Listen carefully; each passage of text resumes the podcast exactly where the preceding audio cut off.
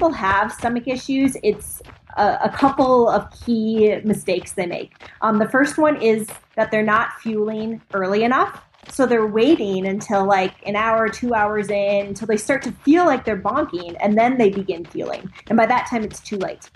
And then also the the second one is they don't fuel um, enough.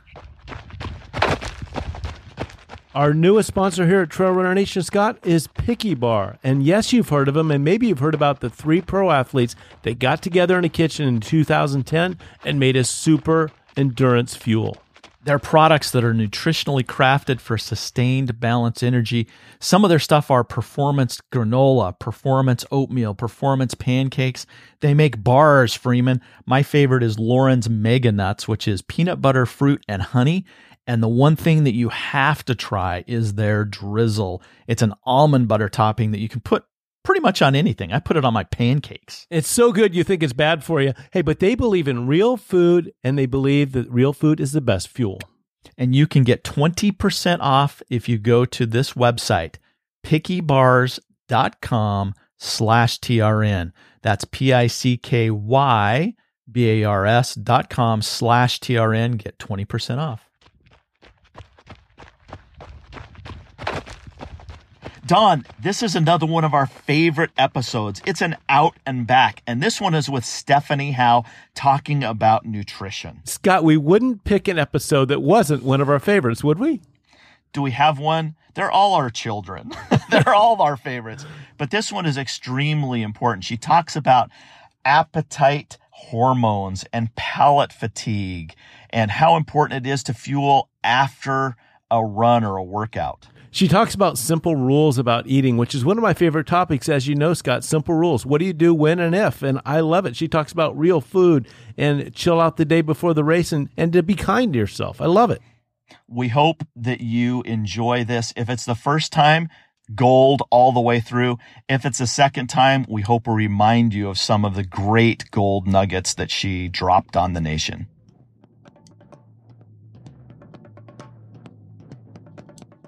Ladies and gentlemen of the wide, worldwide ultra running community, you are listening to nothing less than the greatest trail running nation podcast on earth. It is the Trail Runner Nation podcast. This might be one of the most interesting podcasts ever. Oh, that's what you're doing. There's a bunch of like old brothel hookers like buried out here.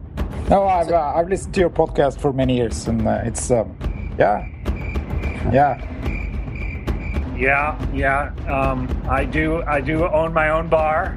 Uh, every Friday morning on uh, iRunFar, we open up and uh, open up the taps.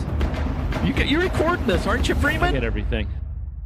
Welcome to another edition of Trail Runner Nation. I'm Don Freeman. And I'm Scott Warr. And today we are days away from the 2016 Western States 100 and we have a former winner, yeah, somebody... and and and, and two time podium finisher of Western States, Stephanie Howe, with us. Stephanie, thanks for joining us.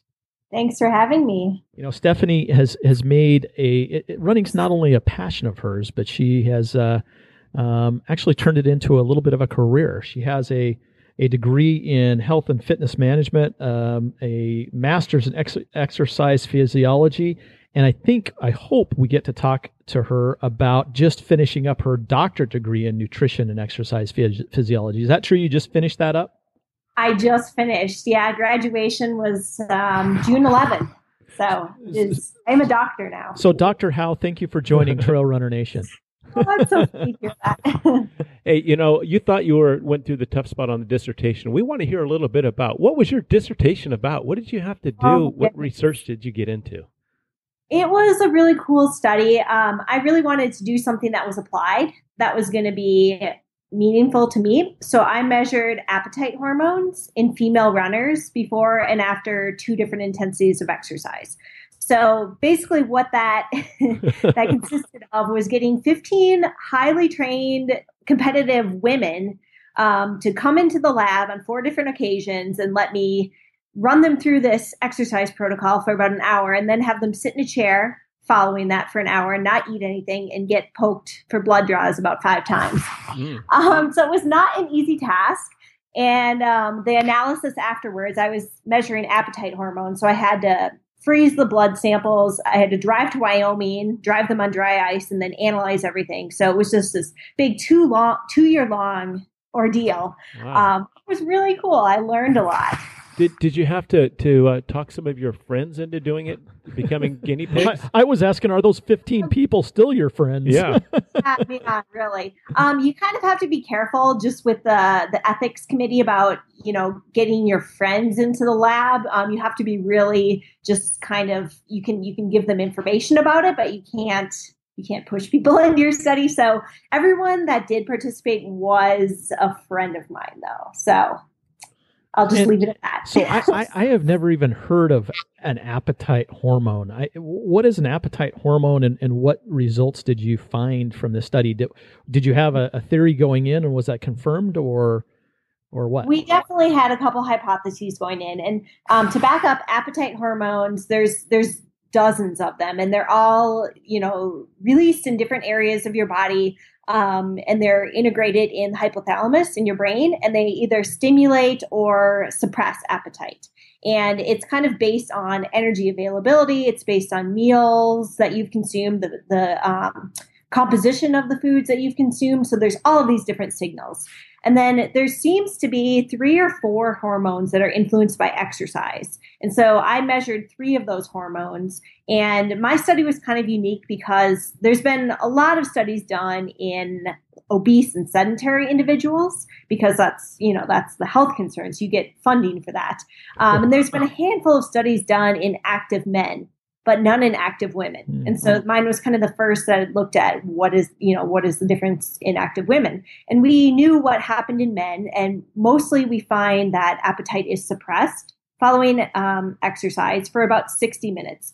Um, the three hormones that you measure, or that we measured, two of them are appetite suppressants and one is an appetite stimulator. So um, one of them we found was suppressed and two of them we found were um, higher. And that's kind of uh, the net effect is suppression. So we definitely found that in the women, it was similar to the men. The appetite was suppressed for about an hour after exercise, and then it was back up to baseline. Um, and interestingly, we found that there was no difference between exercise intensity. So we measured a moderate and a high intensity. So it was really cool. So I, I guess my question. I mean, we, we we're actually putting together a, a formulation of of, of an upcoming podcast on nutrient timing, and I Yeah. guess my question for you is, with the these natural occurring hormones that suppress appetite for sixty minutes after exercise, whether moderate or intense, um, is that nature's way of saying don't eat 60 minutes after uh, you know after or or is there an advantage to to trump the hormone and take in some type of nutrition within that 60 minutes and I'll I'll, I'll preface that with you know one of our good friends Sunny Blende um, has always taught us that you know the first within the first 30 to 40 minutes after exercise you should get in what 40 400 calories of of to, to restore your glycogen um, cells so what, what what did you find out? What do you know about that? How can you help us? Yes, that's a great question. And that's kind of like where I bridge the gap from here's my study and what does that mean in application. So, kind of our, our finding for active individuals is that appetite is suppressed following exercise, but there is a 30 to 40 minute window right after exercise where you need to fuel. Even though you're not feeling hungry, you need to refuel, you need to replenish your glycogen stores. And um, refueling during that time also helps start repair the muscle damage. So that's absolutely correct that you need to eat during that time. And it's not necessarily a physiological, like your body telling you that you shouldn't eat. It's more um, a result of the mechanical damage um, specific to running. So in other modes of exercise, there is some suppression, but it's not quite as extreme as running. Um, the, Really? the three appetite hormones that seem to be influenced by exercise, two are released from the gut and one is released from the stomach. So they're they're they're thought we don't exactly know why, but we we think that they're released due to the mechanical jarring of the stomach. Because if you think of running and all the you know jump like each stride, you're putting a lot of um, you know stress on your body, whereas like spinning, cycling, or swimming, you may not have that same jostling effect. I, that just opens up a whole other question for me. In a Yeah. hundred, uh, in a fifty mile, fifty k, maybe even in a in in a hundred k, hundred mile race, these how do these appetite hormones? I assume they're just saying no more food, no more food, but yet you still have to pound the food. How do you have any theories on on that or experience Yeah. with with that? Yeah, definitely. Um, most of the the feelings of not wanting to eat during exercise have to do with um, the blood flow is shunted away from your stomach, so it's going to your working muscles, which which makes sense. Your muscles are contracting; they need more oxygen, so blood flow goes there. Um, so that leaves little blood flow to your stomach um, for digestion. So you're just not going to feel those hunger cues um, as much, and so it's really important to take in. I mean, you have you have to take in fuel, um, especially the, the longer the race, the more important it is. But um, taking in something that's really simple is going to be important because you can't really digest it as well. And the higher the intensity, the less ability to digest. So we, I think, when we see results from scientific studies, we think black and white, like this is an absolute. But when you take it out of the literature, it, there's a lot of gray areas. So within that, you have to really figure out what works for you. In a hundred miler, definitely you have some ability to digest food. You're not just fueling the activity; you're also fueling your body to stay alive for a full day. Yes, so that's interesting. What are some of the takeaways that you um, had after the study? How did you change some of your pre-race, during race, or post-race uh, fueling? Well, it kind of just confirmed a lot of what I already knew, um, and it's been really cool. Just my studies in nutrition, I've I think it's helped my performance a lot just with the fueling. Um, it's it's kind of just more, I guess. I, I can refer my study or reference myself to my clients when I'm talking about nutrition. Like, hey, look at this. You know, we have really good evidence that you need to fuel after, and you're not going to feel hungry. So for me, with my nutrition, I just really, it's really important that I fuel well during activities. And during a race, that's 200 to 300 calories an hour.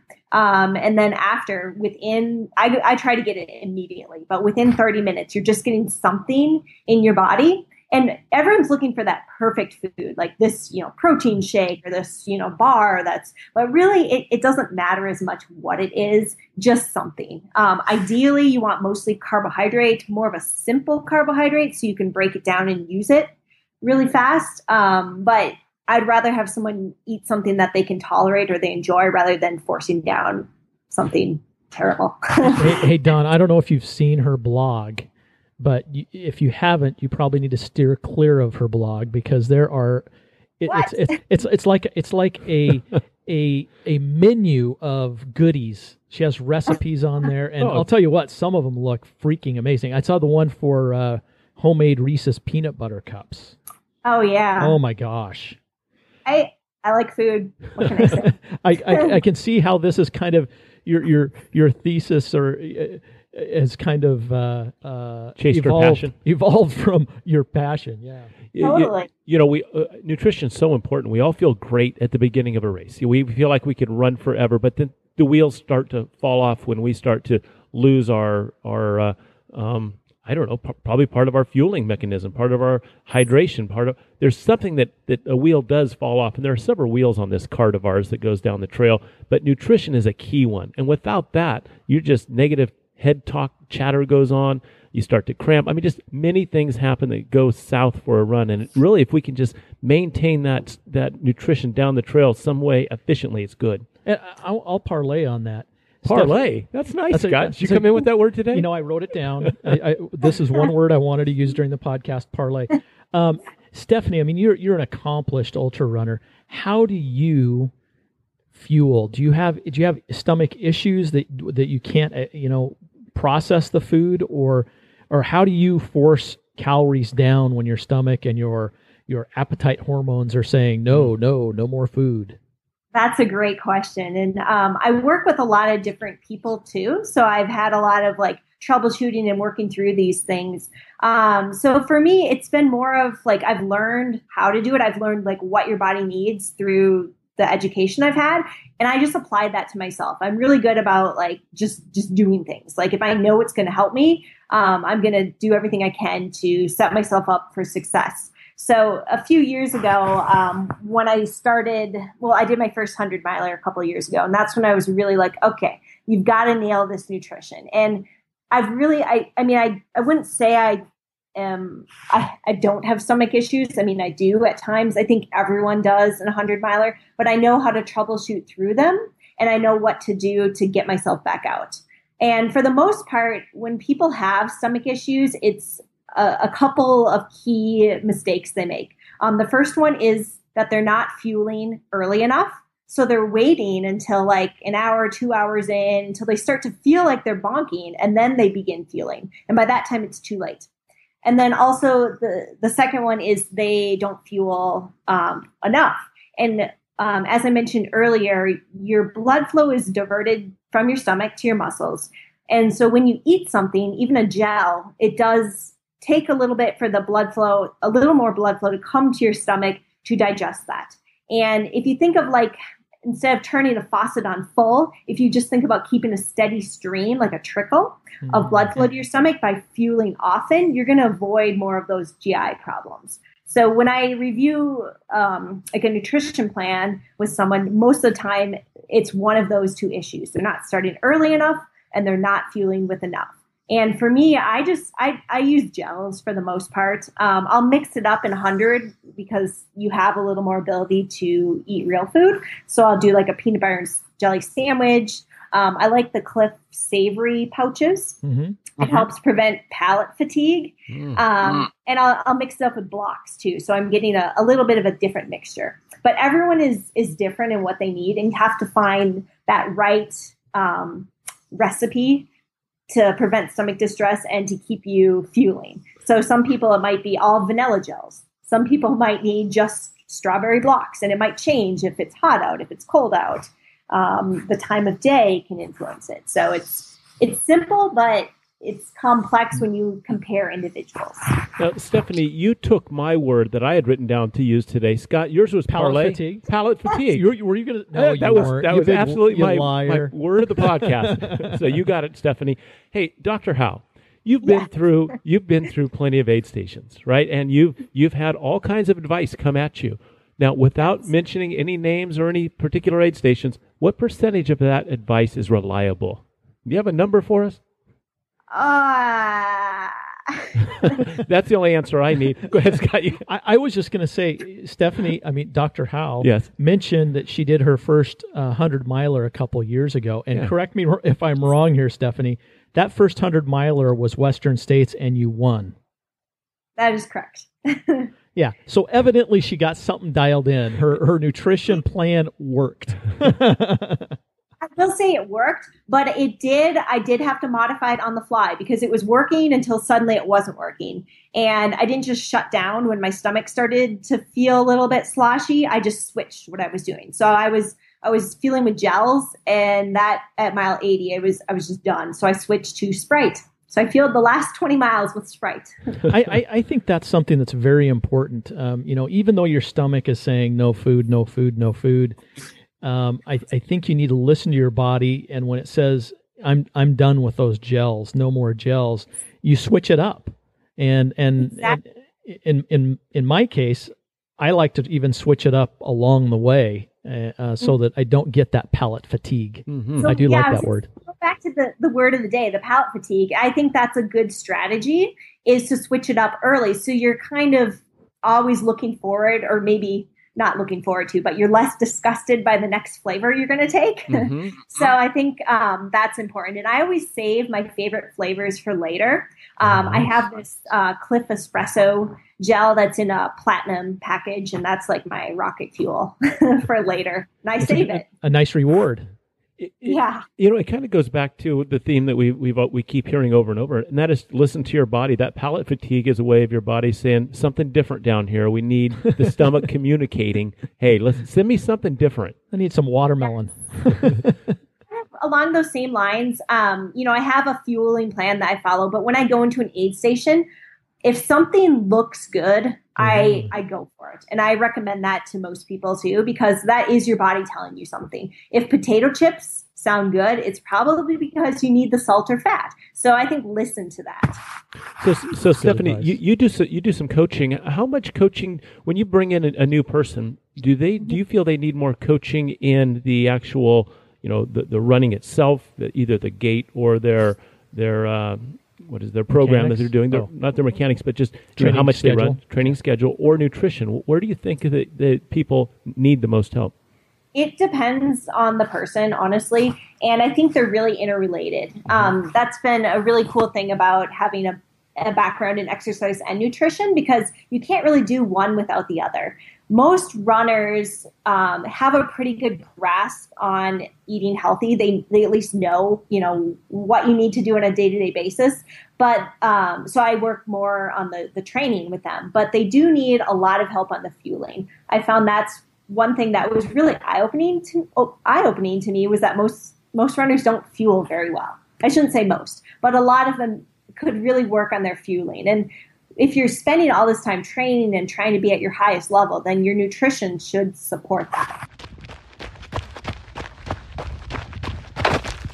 Hey, we're going to take a break from Stephanie Howe because Don has an excellent question that's going to be coming up here in just a minute after these short messages from our partners. Janji.com. Janji just released not too long ago their AFO Vent series and they are amazing fabrics, cool. But I'm going to tell you about their shorts, the AFO Vent short. One of the things I love about it is their infinity drawstring, Freeman. What that means is the string doesn't come out in the wash or when you pull on it, it doesn't come off. It's always there, Freeman. I don't know why that bothers me so much, but they've solved it perfect shorts, perfect placement of the pockets on the inside, and you know what? The material stretches in every di- different direction that a trail runner stretches and makes it feel like you're not wearing anything at all. For men and women, go to janji.com, use the code TRN15, and you can get 15% off on your Janji purchase. A couple of weeks ago, we had Bob Seebohar on the podcast, and we talked about UCAN Fuel. Bob, how do you fuel with UCAN on a long run? If you take me on a four hour run, I'm probably going to have 100 or 200 calories worth of generation UCAN because that's all I'll need for four hours, probably even up to six hours, to be honest with you, because it's just so slow burning. It doesn't cause that that that body's blood sugar to to raise and to kind of feel that up and down that roller coaster. Essentially, this is more like the the rolling waves out at sea, just very very very steady. If UCAN sounds interesting to you, we recommend highly you give it a try. You can get 20% off if you go to ucan.co slash TRN and use the code TRN20 at checkout. And now back to the show with the very best question of the entire show, Scott. Is there anything on an aid station table that we should just stay away from? Think I'm thinking Oreo cookies. The Vaseline, or... the communal Vaseline jar, Don. yeah, that's what, we stay away. um, you know, I I think using aid stations as a supplement to what you already have is is important. And again, listening to your body. I wouldn't try something that's really out of your comfort zone. You know, if you don't ever eat chocolate, which would be really weird, um, I wouldn't have M and M's. You know, just like something that's within your safe boundaries, within reason. I will say um, this last year at UTMB, my body fell apart, like my stomach fell apart, and I. I just needed to get out of that bonking state. And I left the aid station. Well, first in the aid station, I, I ate just the meat sauce off of um, the pasta, like bowls of meat sauce, hmm. which is not something I would ever crave. And then I walked out of the aid station with little blocks of cheese which is mm-hmm. again not something I would normally feel with. So um, sometimes I think you can think outside of the box in desperate situations. Mm-hmm. you know that's that's interesting. The the difference between the aid stations in Europe, but like UTMB, they have pasta with meat sauce and cheese chunks. Yes. You'd never I see. I, I haven't seen a, a race that I've been to that had uh, spaghetti. we, were, we were in Italy though, so I think that's kind of mandatory. it, it, it goes with the uh, the boundaries. Yeah. Yeah. Um, dang, I had a good question. I can't remember what it was. You, we'll you, you, we'll decide whether it's good, Scott. You I, just no, I can't remember what it is. go ahead. Go ahead. Do you have one on? Well, I'm ready to get into some simple rules. One of the Okay, things that we I'll- talk about. I'll, I'll come back. I should have made a note on this good question. It was probably the best question of the podcast, and it's now lost. Well, it, it'll come back. And and simple rules for those that have listened are just a, it's a complex world out there, especially when we're ultra running or, or trail running. All kinds of complex decisions: what to eat, what not to eat, how fast to go, you know, what gear to wear. A lot of things are out there that can either help us or sabotage us as we need to make those decisions. And as you know, it's tough to do math at the end of a run. How do you make these complex decisions when you can't even do some simple math?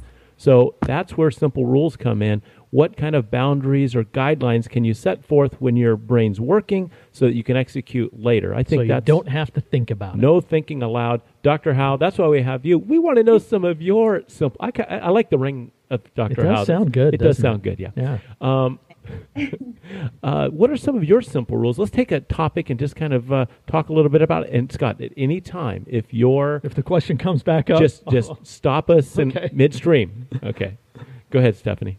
Yeah. So the the number one rule I have that pops into my head when I think about simple rules is eat real food. Mm. We can make nutrition really complex. We have all of these diets and constrictions and restrictions and allergies and you know eating this macronutrient and it's like just think about it as food. You know, a lot of the stuff we can buy in a grocery store is overwhelming, all these choices. But the best way to eat is to eat things that are in their natural state. So, real food.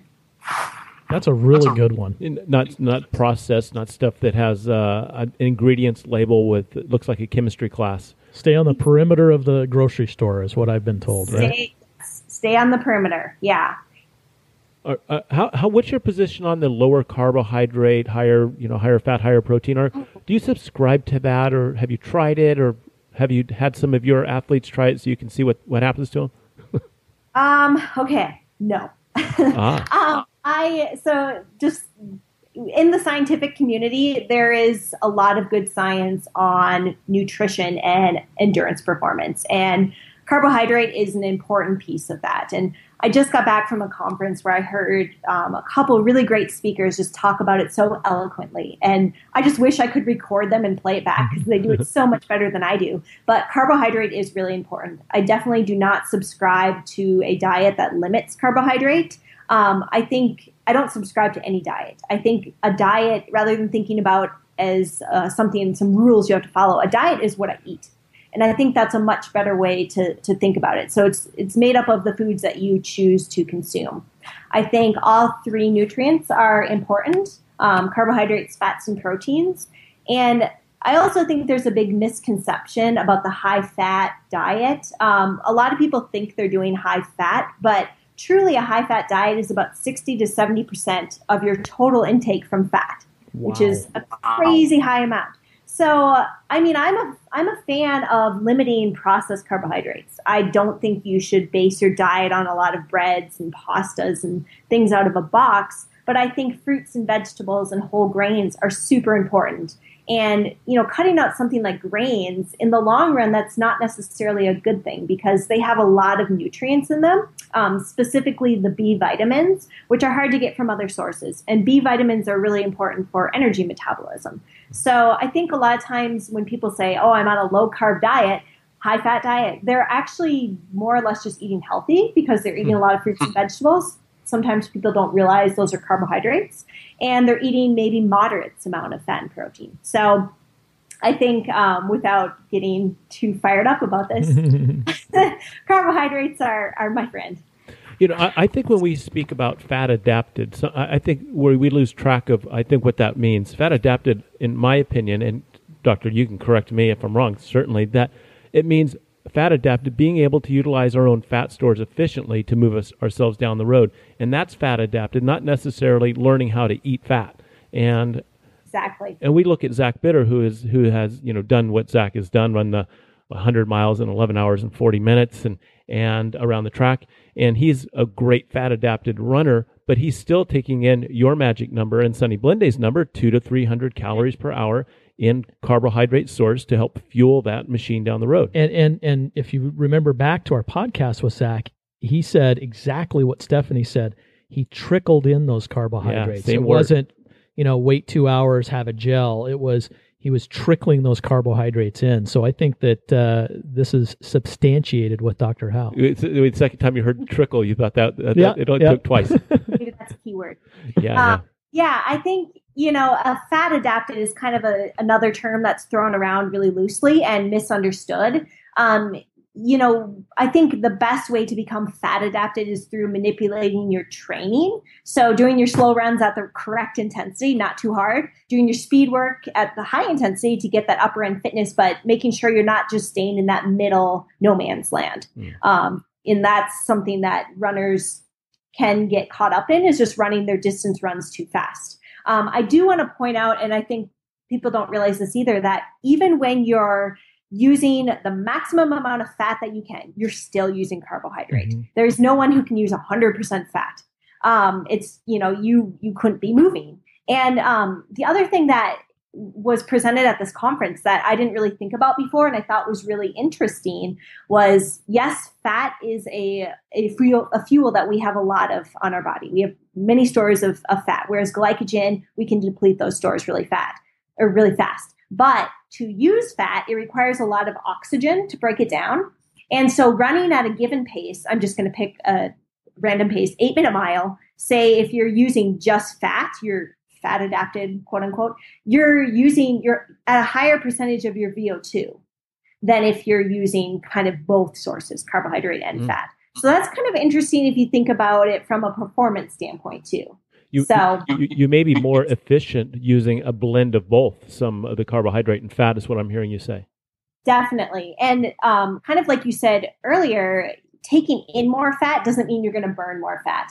Um, the limiting, I'm just going to geek out for a second. The limiting reagent, the limiting step on fat oxidation is transporting fatty acids from the um, the inner or the outer to the inner mito- mitochondria. It goes through a transporter called CPT1 and CPT2, and it uses something called carnitine. So it's not actually mobilizing fatty acids. It's so taking in more doesn't mean you're going to burn more.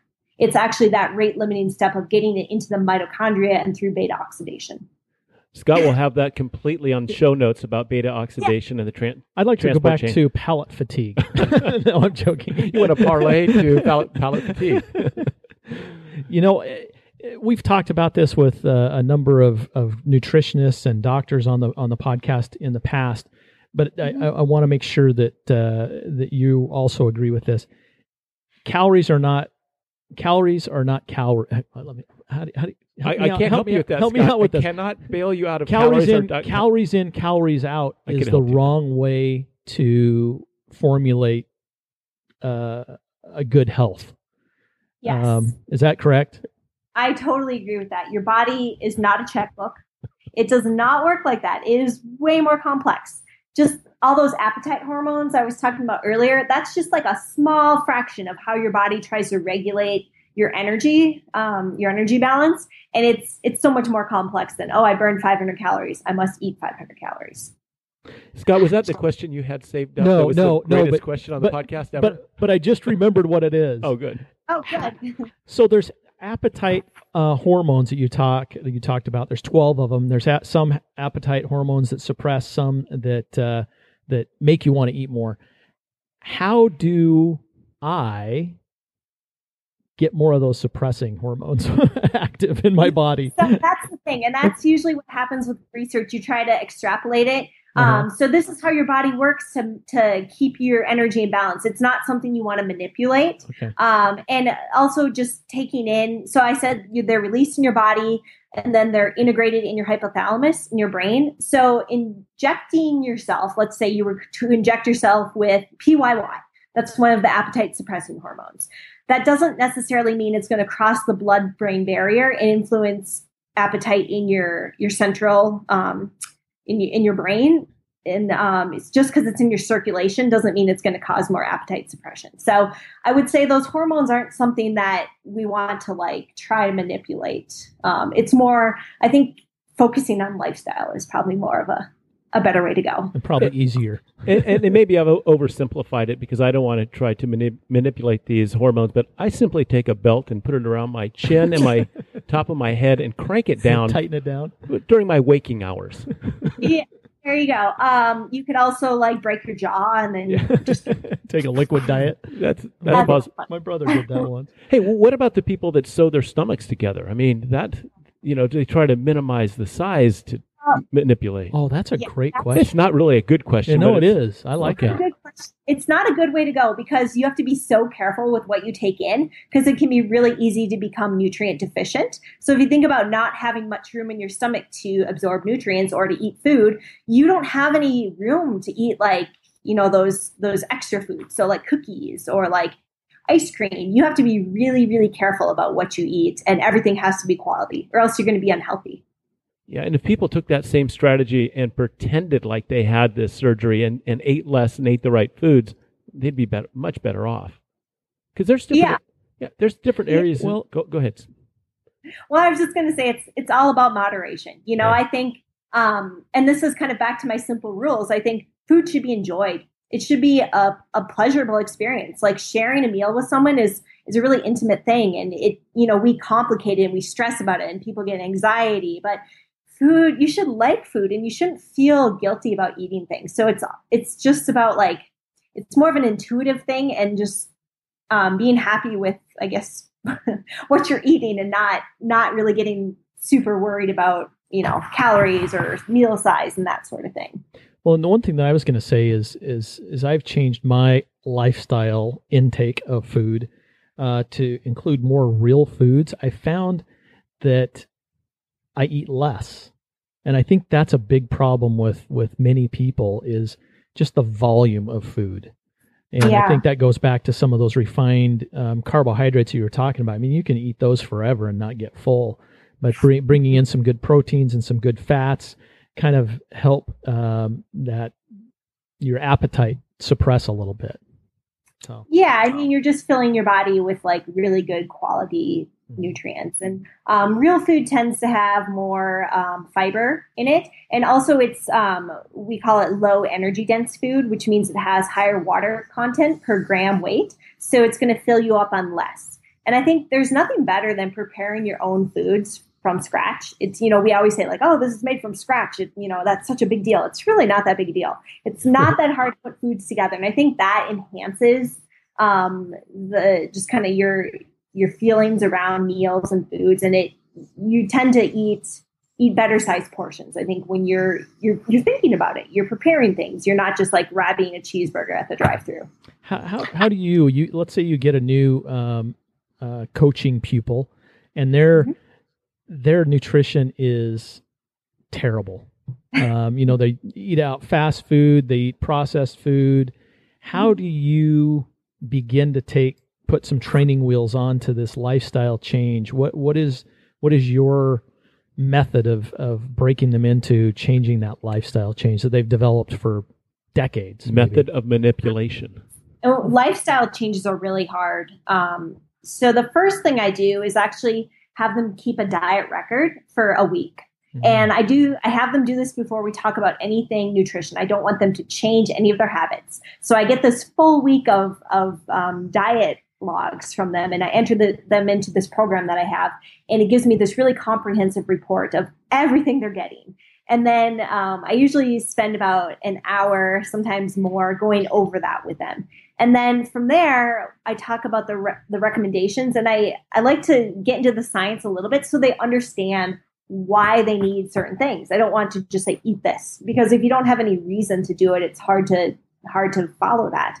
Um, and then when I when I start to have people change, I have them take small steps. So if I give them like 10 things to, to, try all at once, it's like they're that's setting them up to fail. So we start with something small, like maybe, you know, making dinner every night at home, or maybe making their lunch every other day, or something like that, you know, changing their breakfast.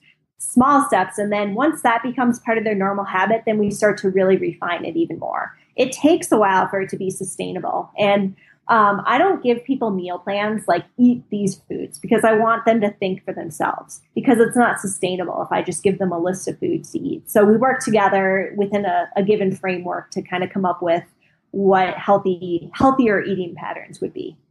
You know, before we get on to uh, the next simple rule, unless you had a follow up there, Scott, mm-hmm. I, and this is totally kind of off base, but you know what amazes me about the body is its ability to adapt and just to maintain its existence. When you when you look at somebody that's that's homeless or lives to, or has elected to live on the corner, and their main nutrition is in a brown paper bag, whatever may be in that, and I don't think it's a nutrition shake. How how is it that their body is able to reproduce the eyeball, the pancreas, their muscles, their just keep things going at the very small margins for you know homeostasis to keep everything balanced. And the body's able to do that on some rum or whatever is in there. The body's incredible. The body is amazing and it can it can survive off a lot of different um, different things.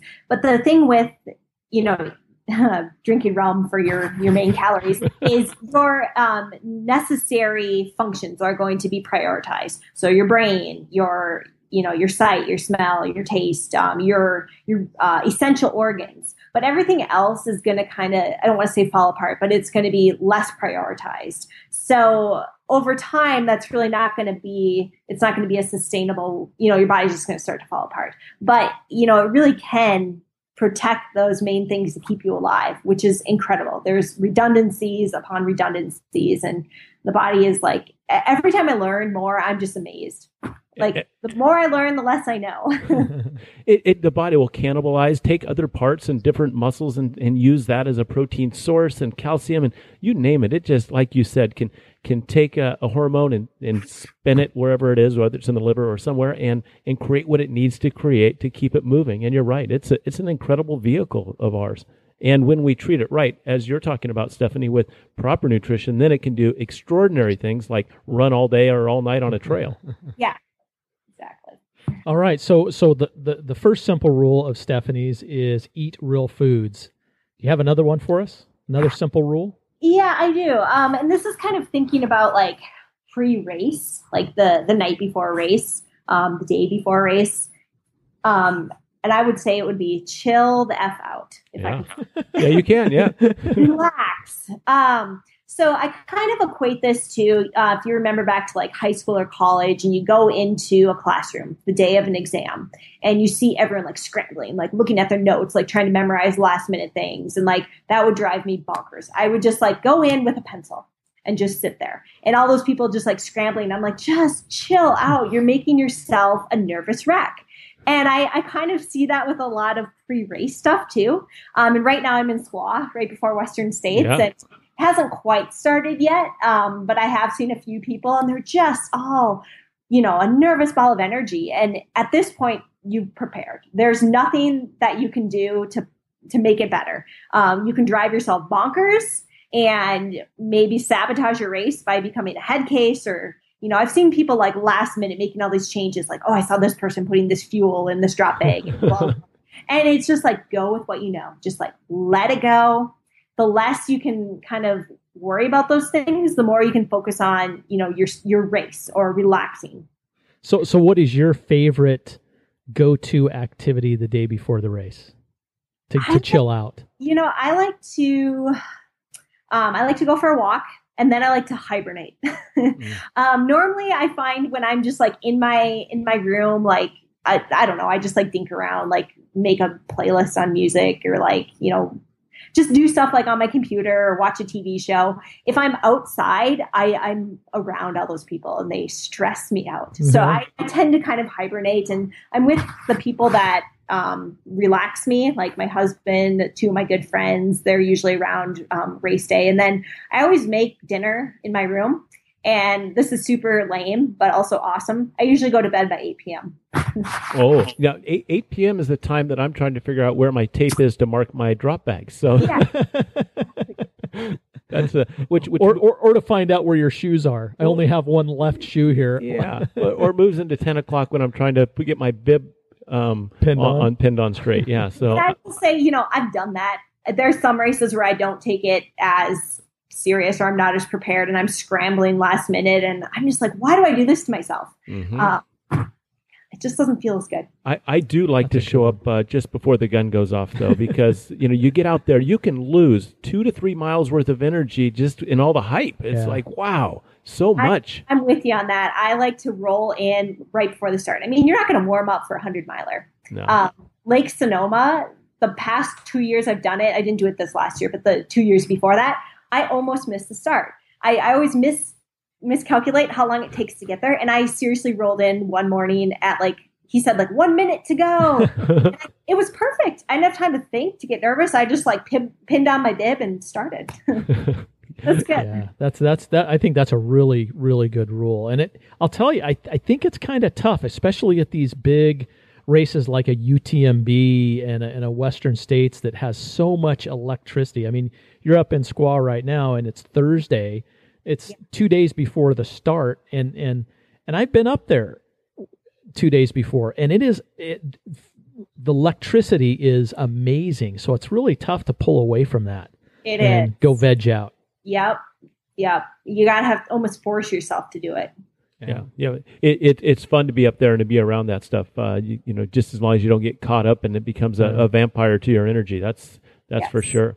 Any other simple rules with racing or with uh, any other aspects? I think with racing, the first thing or the thing that I like to remember is be a good person. Um, I think we, it, this kind of goes along with like don't like chill out and don't take yourself too seriously, but remember that you're a person first and you know be nice on the trail. Like thank the volunteers. If you're gonna pass someone, tell them good job. If you're mean, like you're gonna get some bad karma. so I think there's just no need, and I, I think that's like important to remember to you're a human first and an athlete second. Yeah, that, that is that is one that I was not expecting, but is very. You, you didn't think she was a nice person? What, no, no, I, that's not what I was saying.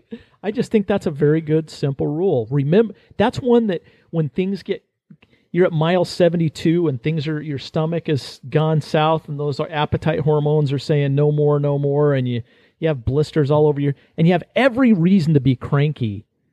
If you're if you're just nice, that'll turn around. You know, it's a self fulfilling prophecy. It is. It is. Some of my favorite memories from races are actually like kindness from people. Like, you know, people have done things for me that I just will remember forever.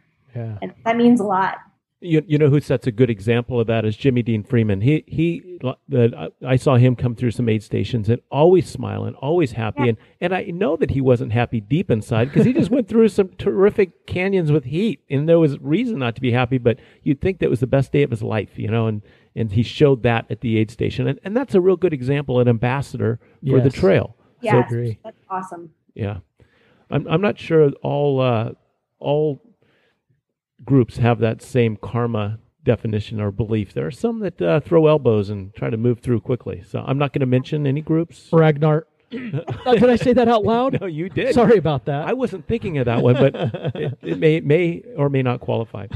well, you can edit that out, right? I, I, if I learned how to edit, I would, pal. Stephanie, what's uh, what's coming up for you? You're you're doing a lot of coaching and a lot of training. Tell us a little bit about some of your exploits away from the trail because you're hugely successful um, on the trail. What uh, how do you help runners become better runners off the trail?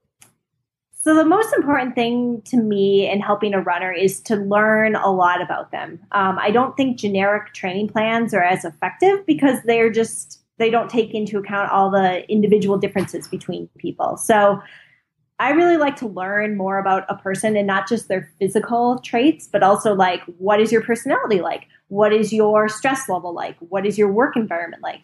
Um, and kind of take that into account with when I'm thinking about their training and their goals. And um, as I write a training plan, I just really put myself into this person. Like I become this person for a 2nd mm-hmm. and I'm just like putting myself through it. And then um, as they start the training plan, I really like to get feedback. I think communication is really important um, because you can, you know, when you write a training plan, that's if everything goes perfectly. And so that's not real life. And so it, it involves a lot of communication, a lot of changes along the way. So that's, I think the, the most important thing for me as a coach is to, to hear feedback and to communicate with my athletes you know, and if you are interested in Stephanie being your coach, you can go to her coaching website, which is endurancebystephanie.com.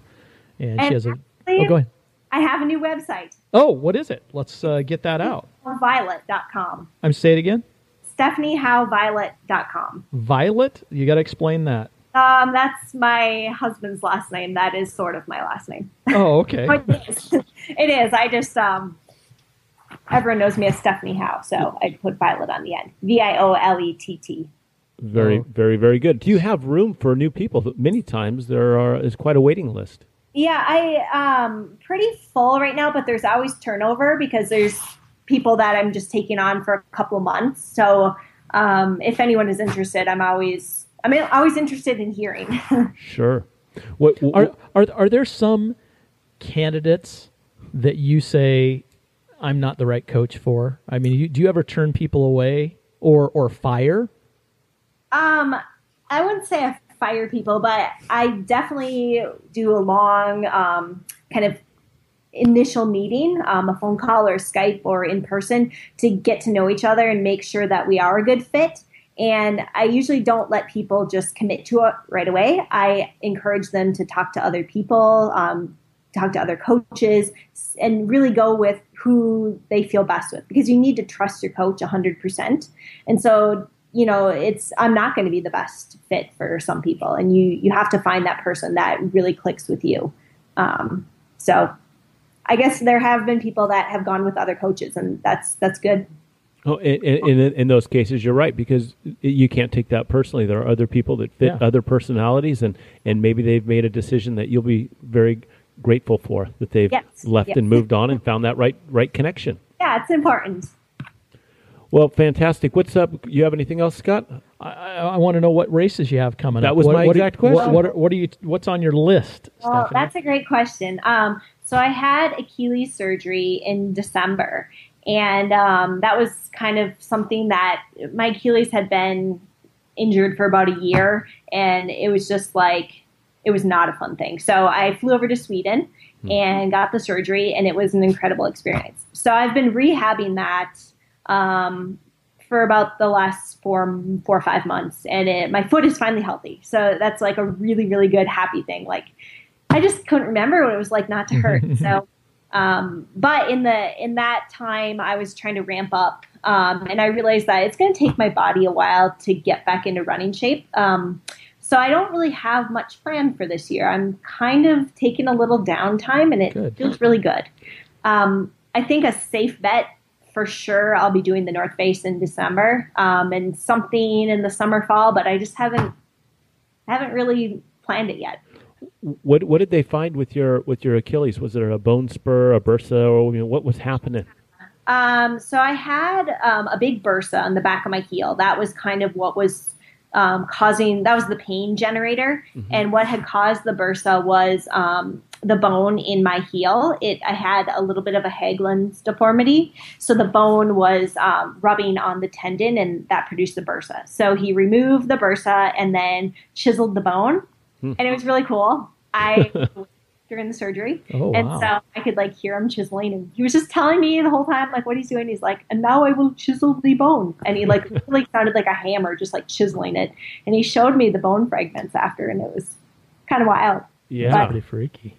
yeah, but you know, it was uh, surgeon. That's like what he does is Achilles surgery. So it was an awesome experience. And Yeah, going all the way to Sweden. You know that you did a little research there, Stephanie, to make sure you found the right person. I did, I did, yeah. So so race calendar not quite anything written in ink. What about um, dream races or bucket list races? Are there any out there that you want to do again or want to try? Totally. Um, I mean, I there's a lot of just runs that I want to do. That's kind of like you know doing like the Colorado Trail and uh, Mount Rainier and um, running a lot in the Alps. Those are all like things that are really on my bucket list. The John Muir Trail. Um, A lot of places in the U.S. As far as races go, um, UTMB. I need to go back and, and spend a little bit less time in the aid stations. I took a two-hour nap last year, so I, I would like to have a better experience. Um, UTMF in um, Mount Fuji. That's something that's kind of been intriguing to me. Um, there's a stage race um, called the Ultra Trail to Monte Rosa. It's um, this is only its second year. Um, Lizzy Hawker is the race director, and it just looks spectacular. Um, it- so anywhere in the mountains, in the Alps, those races are really appealing to me. And then um, Western states, is just a race that means a lot to me. It's you know it was my first hundred, and you know it just to me it's it's more than a race. It's I just get so excited about it and um, the energy and the people, and it's just it's a race that I will probably keep doing. I don't know if it'll be consecutive years, um, but uh, I could see myself coming back to it a handful of times. You know, I, I, like how you delineated between racing and just running yeah. for the joy and beauty of running, and not not getting past some of those beautiful vistas as quickly as you can because you're on a schedule to try to stay in the front of the pack. It's uh, hey, I want to I want to take this at my leisure and take in and soak in some of this trail exactly. in this area. And I realized when I was injured, and I I had a lot of time to think about running and what it meant to me and why I did it, and the things that I missed when I was recovering was running on trails with friends and mm-hmm. seeing things. It, you know, very rarely did I think about like a start line or a race. I mean, I love racing, but the things that are really important to me are just seeing these beautiful places and having my feet take me there. And there's so many places that I feel like I'm lucky to see that so many people won't ever have the opportunity. So I love that part of it. And we've talked about that on, in, in, the past too. Some some running adventures. You you can get in shape to put a bib on, but you can get in shape to go have a just a, a an incredible epic time with friends on the Grand Canyon or you name it, and all the places that you name. these are this is another place to enjoy your fitness and another reason to get out there and, and get yourself fit so you can take that adventure. Yes. Yeah. And the best part is is you win. Every time. Every time you win. That's a good one, Scott. That is good. you parlayed into that very well. Stephanie, we, we really appreciate you coming on. We appreciate being able to uh, um, hear your simple rules. Thank you. Thanks for having me. We appreciate you coming on. So go out and run. Moss.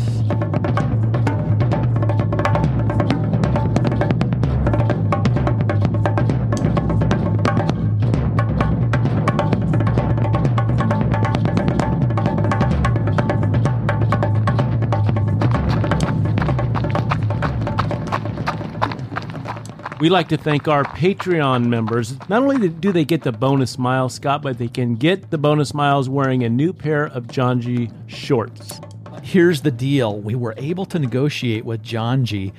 10 of our Patreon subscribers are going to get a free pair of these AFO shorts we talked about at the beginning of the podcast.